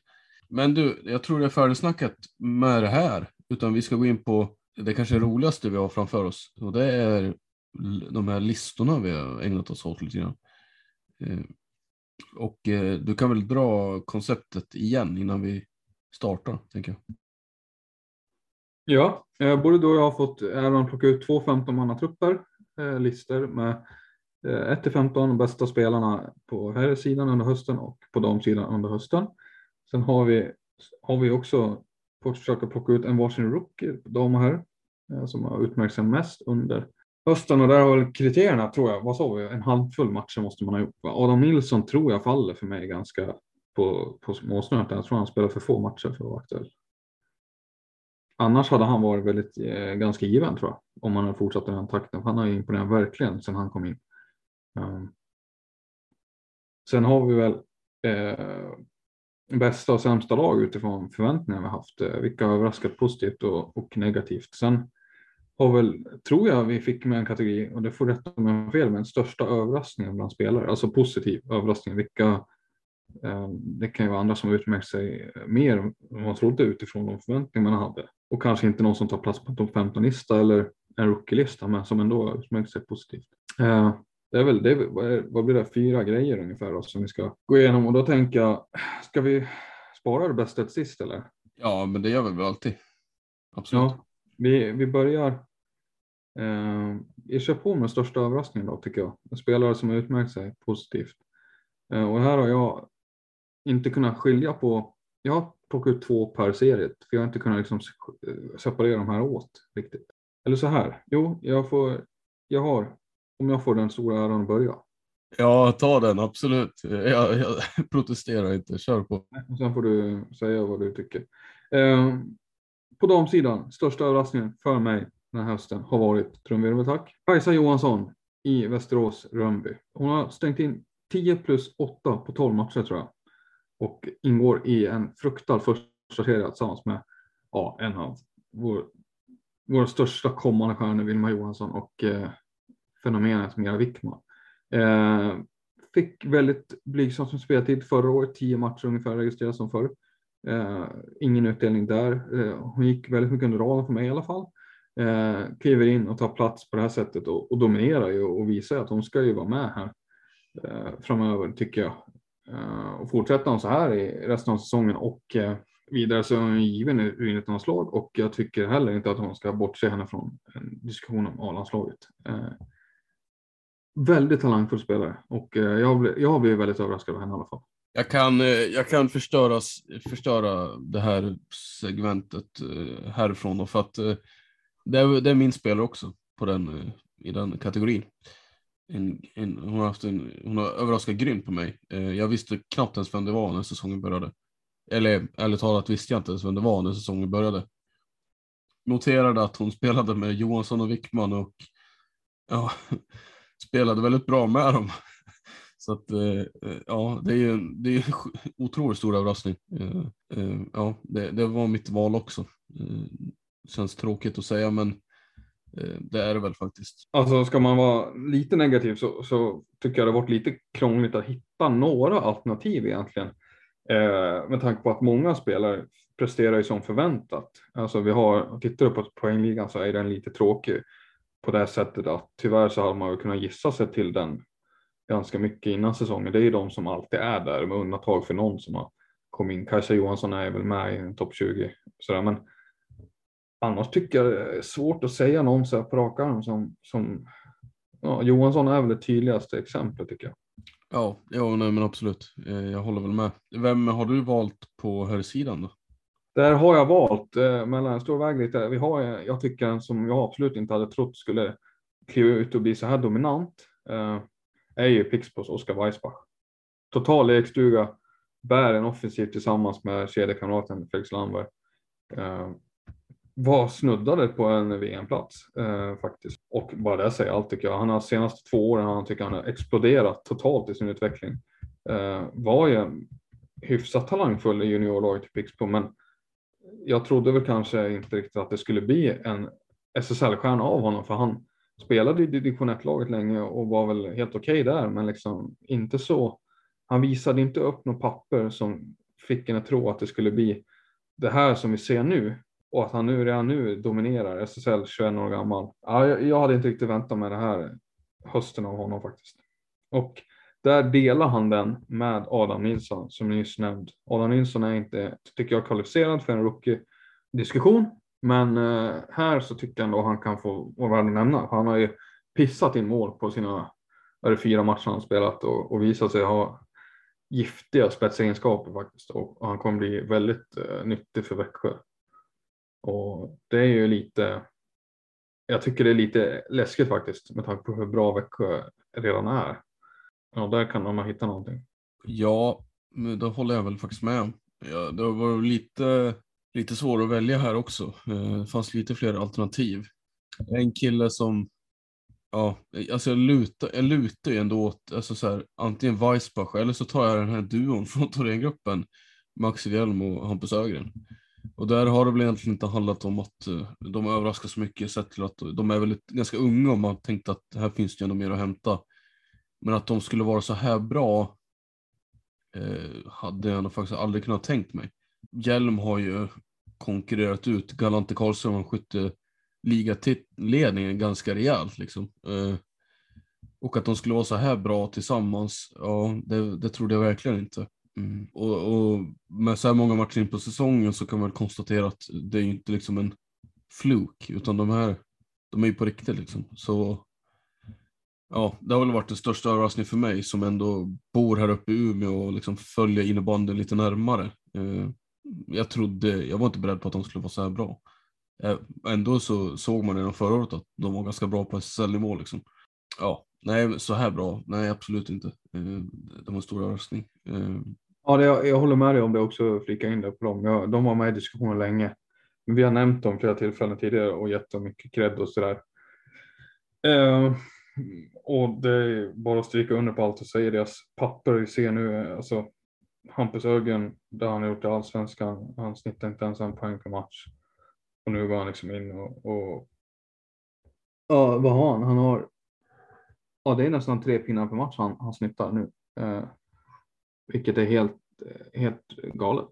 21-åring och där, alltså där har vi en 21-årig eh, forward som vi borde prata mer om kanske. Det är, och även Hjelm, men Hjelm tror jag till och med är ett år yngre, men hallå, landslaget snart. Du har de här du har Weissbach, du har Ögren, Filip Eriksson. Eh, Axel Hjelm. Landslaget, hallå? Ja, det är... Testa Ja, dem. alltså ändå, ja. Det är inte, att det inte bara är en spelare heller utan det är flera eh, gör ju att ja, vi kommer kunna bekanta oss med nya ansikten ganska snart i landslaget. Eh, som kanske också, det är en annan diskussion, men som kanske är i behov av en eh, generationsväxling där. Eh, men absolut. Vidare till nästa kategori då. Eh, vilken är det liksom, eh, tänker du? Nu har vi ändå, nu har vi rivit av den här eh, eh, minst eh, prestigefyllda titeln, eller vad ska vi kalla det? Mm, precis. Uh, uh, jag tänker vi går till lagen. Vilka har överraskat oss på alla sätt egentligen. Uh, om jag får börja där också, den stora äran, så har jag ett par alternativ där. Och vi börjar på damsidan, där det lag som överraskat positivt för mig har varit trumvirvel. Rönnby IBK, Rönnby Västerås IBK. Vad har du för spontan kommentar på det? Ja, alltså, det allra första är att det var, det var mitt lag också. Så bra val tycker jag. De, sin, sin generation, alltså, eller sitt, inte generationsväxling, men sitt bygge liksom, som de har påbörjat med Harnesk så visste man att eh, de kunde vara på väg mot någonting bra där. Med värvningen av Johansson så var det som en garanti för att laget skulle vara bättre. Men att de skulle vara så här bra, det trodde jag verkligen inte. De ligger ju trots allt trea, vilket måste sägas är över förväntan. Och helt plötsligt har Rönnby fått tillbaka sitt, eller Västerås har fått tillbaka sitt, eh, sitt gäng som var så bra för några år sedan. Eh, man har fått tillbaka den här, ja de har, de börjar ge stolthet till det här anrika eh, klubbmärket. Ja, det får man ju säga. Glömma det. Alltså som, lika som Varberg var för 15 år sedan.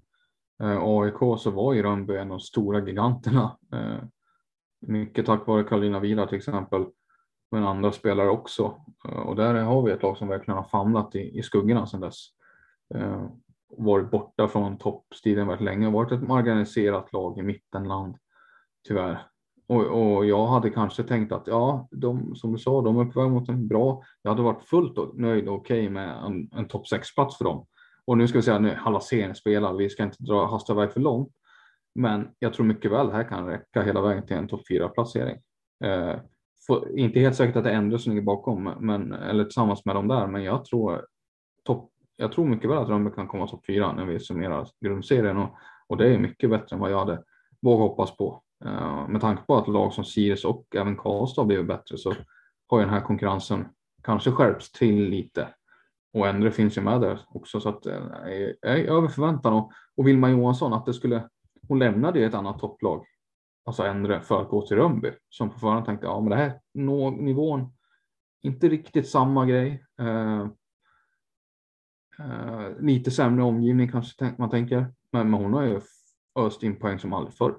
Hon har ju växt ut till en total eh, superstjärna.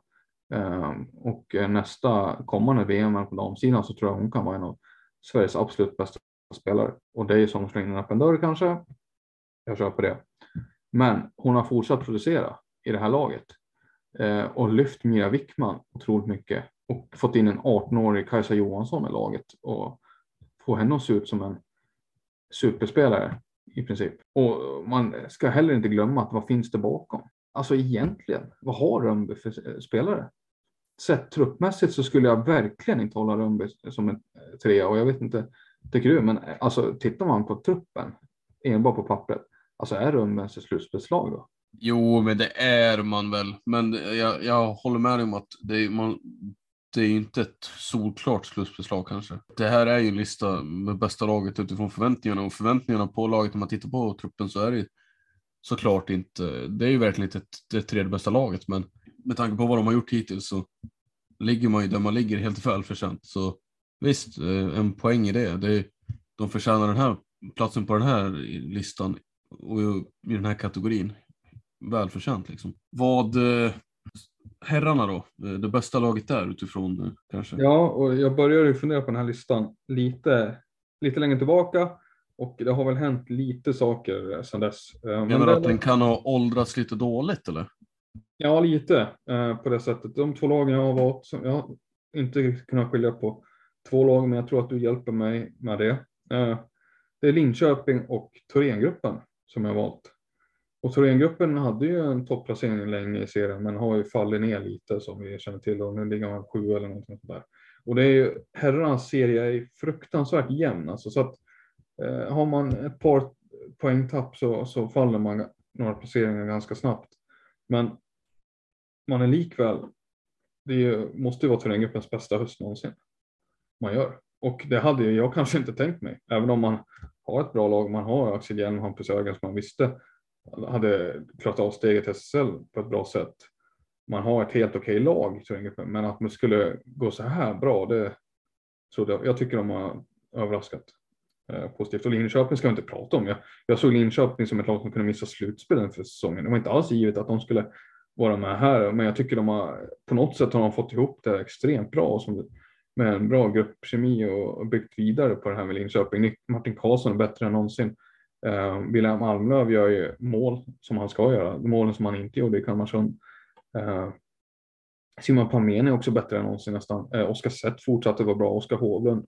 Du har de här killarna, Filip Samuelsson, Emil Lögdberg, eh, som har gjort det superbra också. Eh, jag, tycker, ja, jag, jag är jätteöverraskad över Linköping, framför allt. Jag kanske landar i att det är Linköping. Har du någonting? Eh, hade du några andra där förresten? Några andra lag här? Nej, jag håller med dig på, på det. Jag hade ett annat lag där.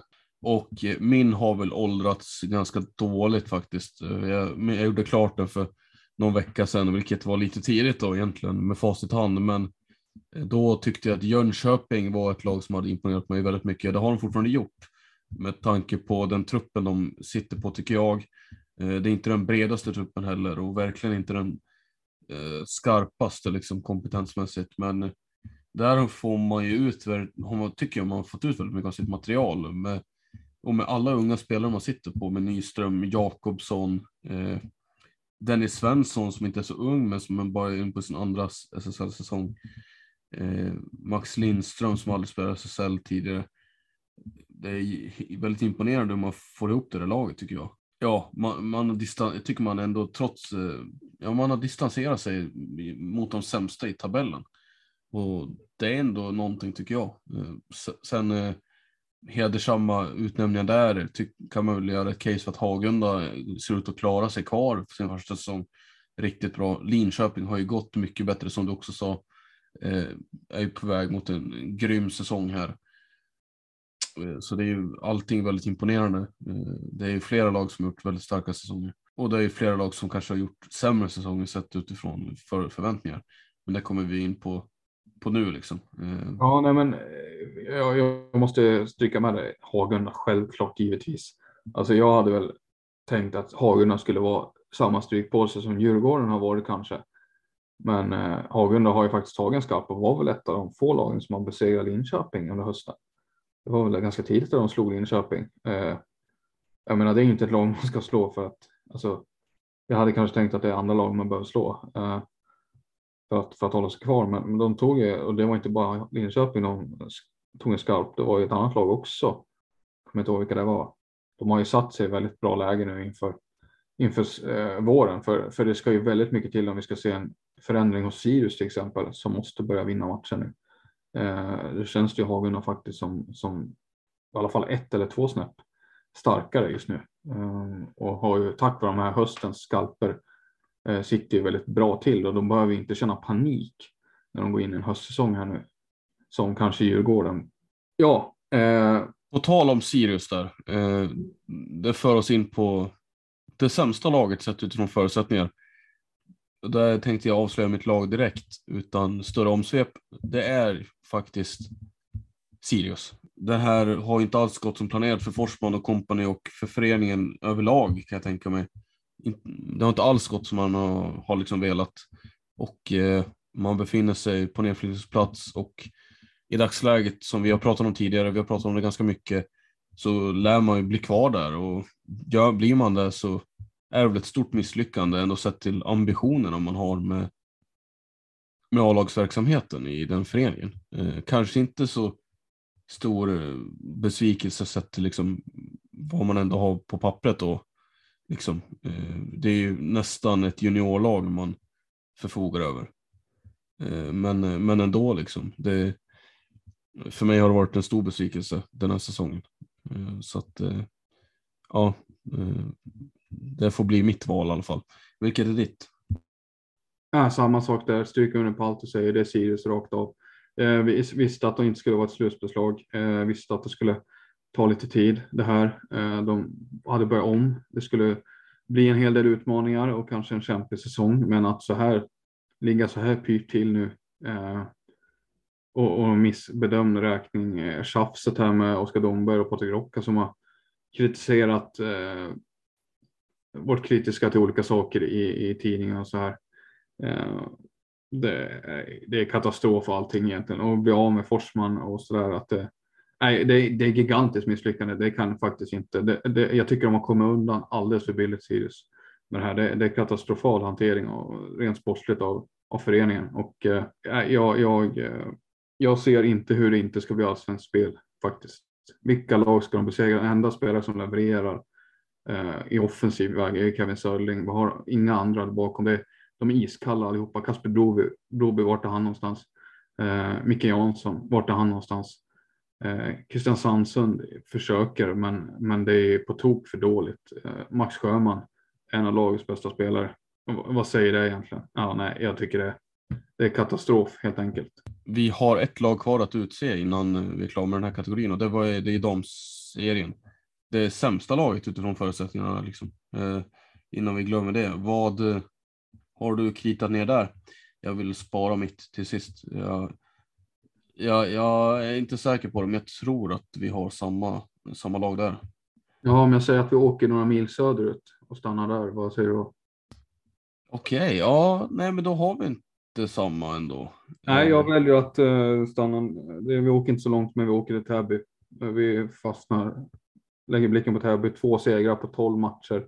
Ligger i ingenmansland nu tillsammans med, ja, jag vet inte om man ska säga Nacka där, men, men eh, Falun och Mora i alla fall. Eh, har varit otroligt bleka och eh, lyckas inte riktigt få till det. Eh, jag vet inte om det är för tidigt att säga floppvärvning, men eh, Mikaela Asponjarova har inte riktigt tagit en framträdande roll som man har hoppats på. Eh, Julia Kronel försöker.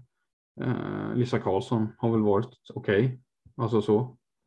Um, men men eh, nej, jag tycker det är alldeles för dåligt. Täby är på väg åt helt fel håll. Ja, jag kan väl, jag håller med dig helt och fullt, men jag har ändå valt att ta Falun här eh, med tanke på eh, hur de skrevs upp under liksom innan säsongen började och var de står nu så är det helt enkelt eh, för dåligt tycker jag. Och det, det kan man, det spelar ingen roll hur många vi, har, vi eller jag har slagit på den trumman, men det kan de käka i sig tycker jag för att det, det är uselt. Eh, man förväntar sig mycket mer av det här laget. Eh, om vi pratar om att Rönnby inte ska vara det tredje bästa laget sett till, sett till vad de har. Liksom, även med all respekt för Johansson och Wickman så är Falun ett, ja, ja, det, det, är, ja, det är för dåligt helt enkelt. Och eh Eh, jag, jag vill ju se en uppryckning här, men det är ju höstens sämsta lag vi, vi ska bedöma eller ranka och då hamnar de här. Sen hur det ser ut i vår, det får vi se då. Eh, finns alla anledningar att tro att det kommer se annorlunda ut då liksom. Men eh, just nu så är jag rätt nöjd med att säga att det för, mig, för, mig, för min del är det det sämsta laget sett till förväntningar. Eh, vi rör oss vidare till den sista, eh, det som vi har sparat till sist. Det bästa eller? Nej, det är det inte. Vi har faktiskt en rookie-kategori att gå igenom lite snabbt också. Ja, det är sant. Det är sant. Det ska vi göra. Och där har jag återigen, vi börjar på damsidan. Jag har två spelare som jag inte kunnat skilja på. Det är Jönköping 16-åriga eh, bollgeni Mira Markström som eh, många säkert redan vet, men hon spelar också hockey i HV71. Det är helt otroligt eh, och gör det väldigt bra där faktiskt också. Gjort ungefär en poäng per match tycker jag. Klev in ganska omgående och vi satte avtryck rejält. Hon har varit märks nu hon har saknats tycker jag i Jönköping. Hon har inte spelat alla matcher riktigt otroligt kul att se. Född 05 tror jag, är väl en av de första 05 i SSL va? Eller? Ja, det lär stämma. Det lär stämma, ja vi har inga, annan, inga annat namn på det. Men eh, hon delar den här passen med eh, en eh, ung finska, Ulla Valto i, i Kajsmora. Uh, U19 landslagsbacken som har klivit in och fått spela både back och center tror jag och, och gjort det väldigt bra eh, trots sin ringa ålder. Eh, tycker hon har varit en av Moras bästa spelare helt enkelt. Faktiskt och tagit mycket ansvar trots att hon är så ung fortfarande, 19 år. Ja, jag tror att det kan komma mycket mer från henne framöver. Och det, ja, bygger på med den här finska traditionen. Kanske en arvtagare till Myrkippele på sikt. vad vet jag, men det känns inte helt orimligt i alla fall när man sett den här under hösten. Med andra ord så kommer turnérgruppen värva henne om två år. Ja, det lär väl landa i det då. Kippele sticker hem till Finland eller Schweiz då kommer Valtola istället. Det är så Thorengruppen jobbar, eller hur? Ja, precis. Eh, exakt, det, det, det lär vi säga ändå. Eh, nej, nej men eh, bra, bra liksom eh, utnämningar där tycker jag. Eh, jag har inte valt någon årets rookie faktiskt, så det här är ju din show helt enkelt. Men jag kan inte säga att jag på, alltså med tanke på den åldern som Mira Markström har så är det ju, tycker jag att hon ska ta det priset själv, utan att dela det. Eh, det är sannerligen imponerande hon har gjort i Jönköping. Säger väl också någonting om det svaga laget som Jönköping ställer upp med också, eller? Ja, lite absolut. Det är ju tämligen profilfattigt egentligen. Det finns ju några som har gjort det ganska bra där. Greta Koppanen, Emmy Romedal, Emmy Thorsson. Det finns några som har gjort det bra, men, men det är ju, det finns ju inga profiler tyvärr. Ja, Uh, herrarna, vad, herrarna. vad har, har vi, vi en annan kille? Ja. Har vi en Schweiz, schweizisk ung back. Och det är ju då inte Nikola Bischofberg för han har gjort x antal säsonger i SSL redan. Men vi har Jan Byrke i Kalmarsund som har kommit in här tycker jag och gjort det väldigt stabilt och bra. Eller? Ja, nej, men absolut. Han är väldigt bolltrygg, eh, schweizaren. Eh, det måste man säga. Han, har väl, så, han spelar väl eh, i PP också och eh, verkar ju ses som eh, ja, eh, deras nya eh, vad ska man säga, speldirigent bak. Liksom, eh, han har tagit över en fana lite grann efter Tobias Lindström känns det som. Ja, är det så pass alltså? Har han spelat? Har han fått så många PP-minuter? Ja, ja, men det har han fått, i alla fall de matcherna jag har tittat. Och eh, Lindström har väl inte alls haft den här impacten då heller. Eh, eh, alltså den här säsongen eh, jämfört med vad Birker till exempel har haft då. Jag tycker jag ser den här 71 överallt på planen när jag, när de matcher jag liksom kollar. Eh, och då menar jag inte att han eh, springer så jävla mycket för han är ganska trög. Men han, han har bollen ganska mycket och står för väldigt mycket assist. Så det Ja, jag tycker han är inblandad väldigt mycket spelmässigt i alla fall. Så. Eh, han har imponerat på mig, så det är, det är, det är en vettig utnämning, absolut. Mm. Ja, vi ska inte fastna mer på honom, men jag tycker han ser bolltrygg, bolltrygg ut också. Han stressar sällan upp sig. Han ser väldigt lugn och fin ut med bollen, fast han får glömma att han är 99 och så där, så han är ganska ung fortfarande. Men eh, han, han har eh, väldigt mogen, man ska säga, för, för sin ganska unga ålder. Liksom. Han är väldigt stadig. Bra, bra. Han, ser, eh, han ser faktiskt äldre ut. Ja, det gör han. Han ser, han ser rätt ut att vara 30. Eh, Okej, okay, nästa. Ursäkta jag pressar på här, men eh, nu har vi det, nu har vi i alla fall det bästa sparat till sist. Eh, lär vi slå fast. Det här har du. Fast, ja. Det här har du sett fram emot. Eh, verkligen, absolut. Det här har inte varit lätt heller som man kan tro. Eh, men det har varit väldigt kul. Eh, vi ska nu ta fram de 15 bästa under hösten här i dam och herr. Och eh, jag tänker att du får gärna mata på. Med, ja, du får välja. Vi, vi kör väl en serie först. Så att, eh, och sen så får vi se hur många vi har gemensamt. Jag har rangordnat dem till och med. Det är lite overkill kanske, eller? Ja, jag vill inte ge mig in på den liksom. Det känns som en fälla som jag skulle gå i om jag skulle ge mig ut på den isen. Men 15 starkaste namn under hösten kan man väl i alla fall Ja, jag ska riva av dem och jag kan riva av. Ska jag göra så att jag river av dem i båda serierna? Nej. Ja. Eller nej, fan. Okej, nej, jag, jag, tar, jag tar ena serien först. Ja, ta det är lite ordning och reda för det fan. Ja, jag tar ena serien först alltså. Då har vi SSL dam, eh, den 15 bästa. Den här säsongen har jag utsett Maja Ekström från Malmö, Vilma Johansson Rönnby, Ida Sundberg Pixbo, Maja Wiström, Thorengruppen, Vera Kauppi, Thorengruppen, Emelie Wibron, Thorengruppen, Cornelia Fjellstedt, Thorengruppen, Mira Wickman, Rönnby, Kajsa Elm, Pixbo, Ona Kauppi, Thorengruppen, Amanda Berggren, Pixbo, Lisa Karlsson i Täby, Sofia Joelsson, Thorengruppen, Moa Gustafsson, Falun. Och sen faktiskt Caroline Adelöv i Pixbo. är mina, det är mina namn. Eh, och då ska jag direkt säga att jag har jag har alltså inte tagit med någon målvakt här, utan jag har, jag har gått efter mitt eget huvud och rankat, eller eh, ja, helt enkelt tagit ut spelarna för att de är lättast att bedöma på det sättet tycker jag. Ja, det är ju en rak, ren och skär diskriminering här mot målvakterna. Jag står inte bakom det beslutet. Nej, men eh, du har inte dragit eh, förutsättningarna så jävla, jäkla tydligt heller, så det får du skylla dig själv. Det var luddigt, men, men jag tycker målvakter innebandyspelare lika mycket som eh, forwards eller backar. Absolut, men jag tycker att det blir svårt när man ska blanda dem.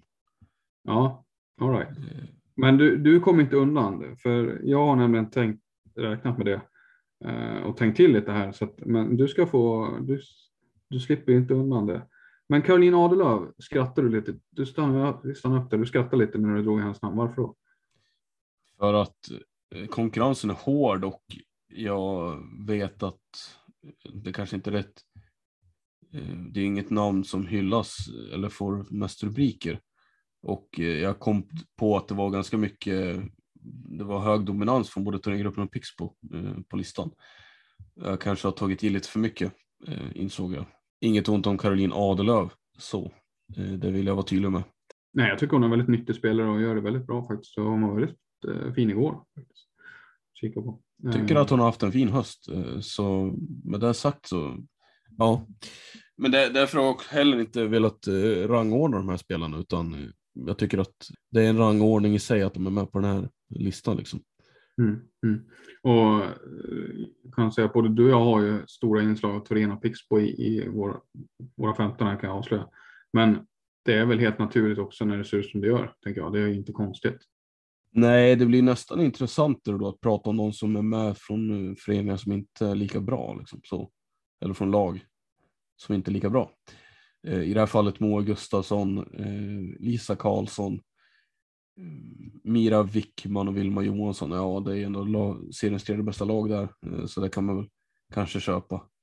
Men eh, ja, då blir det ju de. Maja Ekström då ska vi inte glömma. Eh, från Malmö. Det är väl det är väl tre spelare där, Maja Ekström, Lisa Karlsson och Moa Gustafsson som tillhör förening eller lag som inte ligger topp tre.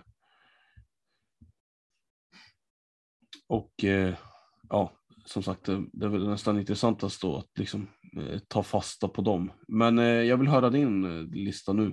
Ja, då ska vi se här. Då har vi, vi börjar med Vera Kauppi. Gruppens Vera Kauppi. Eh, vi har Rönnbys Vilma Johansson. Eh, vi har två spelare från andra. Det är Elin Ros och Ellen Bäckstedt. Ellen Bäckstedt som har varit lite borta här nu, men jag tycker hon har gjort ett tillräckligt bra höst för att slå sig in här i de matcher hon har spelat. Hon har ju ruggigt poängsnitt också, ett av de bästa i serien. Eh, Emelie Wibron, Sofia Joelsson, eh, inga superskallar där. Eh, ska vi säga, Kajsa Johansson är med på min topp 15 också, som vi har pratat om tidigare. Du hade Kajsa Elm, du hade Ida Sundberg, de har jag också med i laget. Eh, Jenny Axelsson från Kajsmora, första keepern.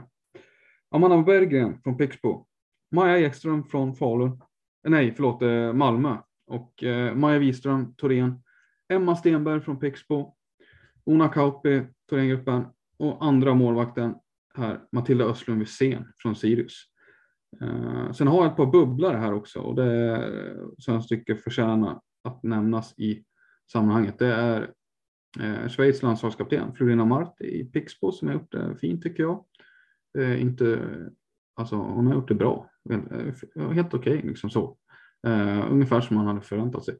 Och sen är det Moa, jag, Moa ytterforward från Falun, förnamn Moa, men jag har valt Jakobsson istället för Gustafsson som jag tycker ska vara med här och få nämnas helt enkelt. Då. Uh, det var de namnen tror jag, det gick fort.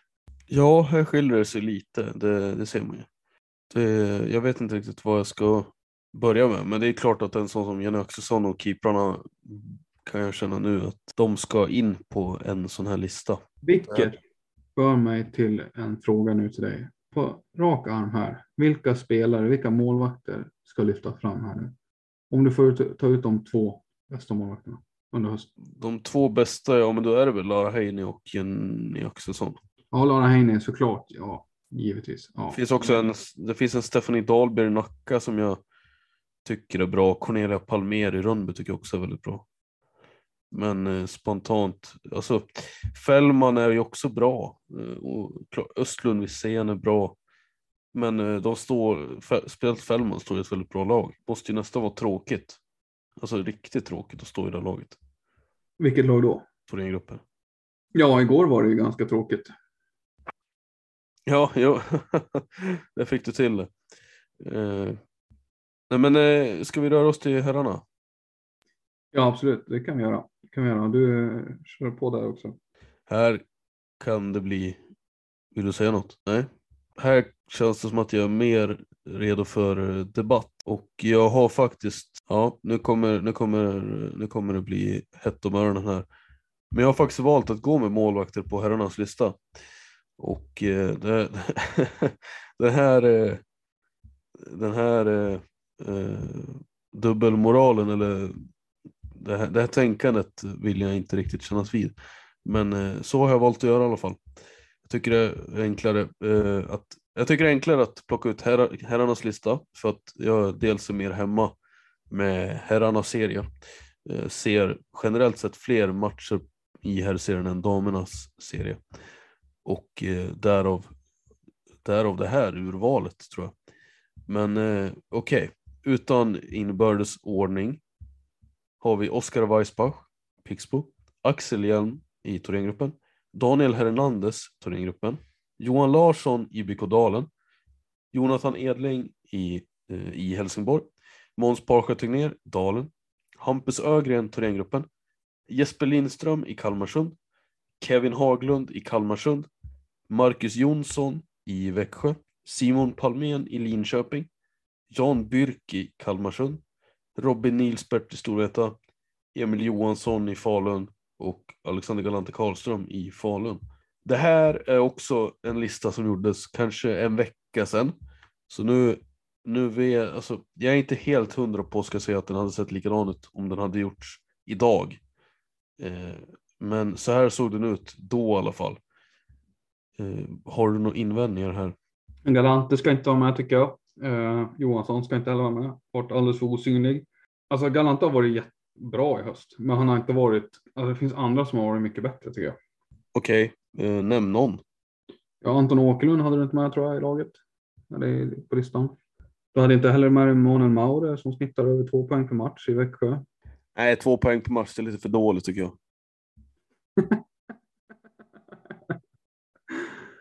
eh, Max Wahlgren.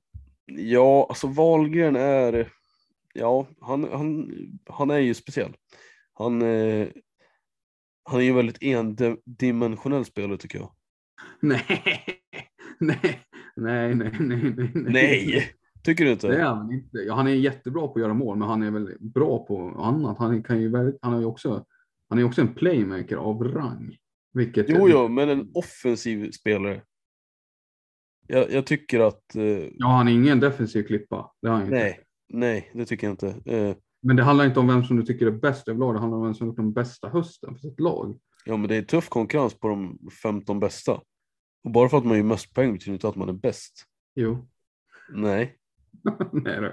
nej, men jag köper det. Men eh, alltså självklart inte är det så. Men, men ja, jag tycker Galante, han får glida med lite på grund av sitt namn tror jag. Johansson förstår jag inte alls. Nej, Galante kan jag hålla med om, men Johansson tycker jag är, han är fortfarande alltjämt de bästa backarna i serien. Tycker jag. Även om man inte ser, även om han inte är lika dominant så är han fortfarande otroligt bra. Eh, Galante kan ju kanske glida med lite grann på sitt namn. Han har ju, känns inte riktigt som att det är samma Galante som för fyra år sedan, men eh, ändå en väldigt bra målskytt tycker jag. Eh, di, dina namn då? Hur ser de ut? Mm. Vad, tyckte du om, vad tyckte du om Edling och Parsjö förresten? Ja, jättebra, jättebra. Cred för det ska du ha. Jättekul. Ja. Det borde varit de två VM-målvakterna. Ja, det borde det ha varit. uh, Ja, men vi delar väl ganska mycket med det här. Det var mindre som skilde här tror jag mot förra listan, men vi, det var ändå något par namn där som, som vi inte med gemensamt. Axel Hjelm har vi gemensamt. Hampus Ögren, Oskar Weissbach, Felix Lamber, Kevin Haglund, Simon Palmén, Filip Eriksson, Robin Nilsbert, Jesper Lindström, Filip Langer, Kim Ganevik, Max Wahlgren, Manuel Maurer, Jonathan Edling och Anton Åkerlund. Sen eh, två bubblor här. Samuel Folkesson Alman i Växjö och Sebastian Palmqvist. Evigt underskattade Sebastian Palmqvist. Eh, det, det är ett case jag gärna skulle vilja eh, lyfta mer. Palmqvist i Mullsjö är väl tillsammans med ett par spelare där, alltså Hedlund och typ Ganevik. Alltså det är ju, fortsätter de ett par år till och sen lägger det av så är väl det tröjan i taket på deras karriär, eller? Ja, det borde det verkligen vara. Absolut. De har ju, det är helt, helt och hållet, de har ju varit de trogna hela seniorkarriären. Eh, det, det kan inte säga något annat. Det är, alltså ryggrad och hjärta har varit så i, i typ tio års tid nu på samtliga. Alltså det är helt otroligt eh, faktiskt att de fortfarande orkar dra det här majsloket. Men eh, tröjan i taket, är absolut. Eh, inget annat accepteras. Lägger märke till att eh, ja, jag hade inte Felix Randberg på min lista och även om poäng inte görs, alltså enbart bestämmer hur bra en spelare är så är det en bra indikator. Men jag tycker att han är ganska mycket produkten av Weissbach. Sett till resten av sin, nu är jag i och för sig en lista som görs på den här hösten så Eh, det är inte rättvist att liksom ta med resten av, eller tidigare prestationer kanske, men eh, det är ju ändå när man tittar på hur han har presterat på SHL-nivå så kan man ju argumentera för att han är ganska beroende av sin omgivning. Eh, det är inte riktigt enkelt att lita, man kan inte riktigt lita på honom eh, i varje match.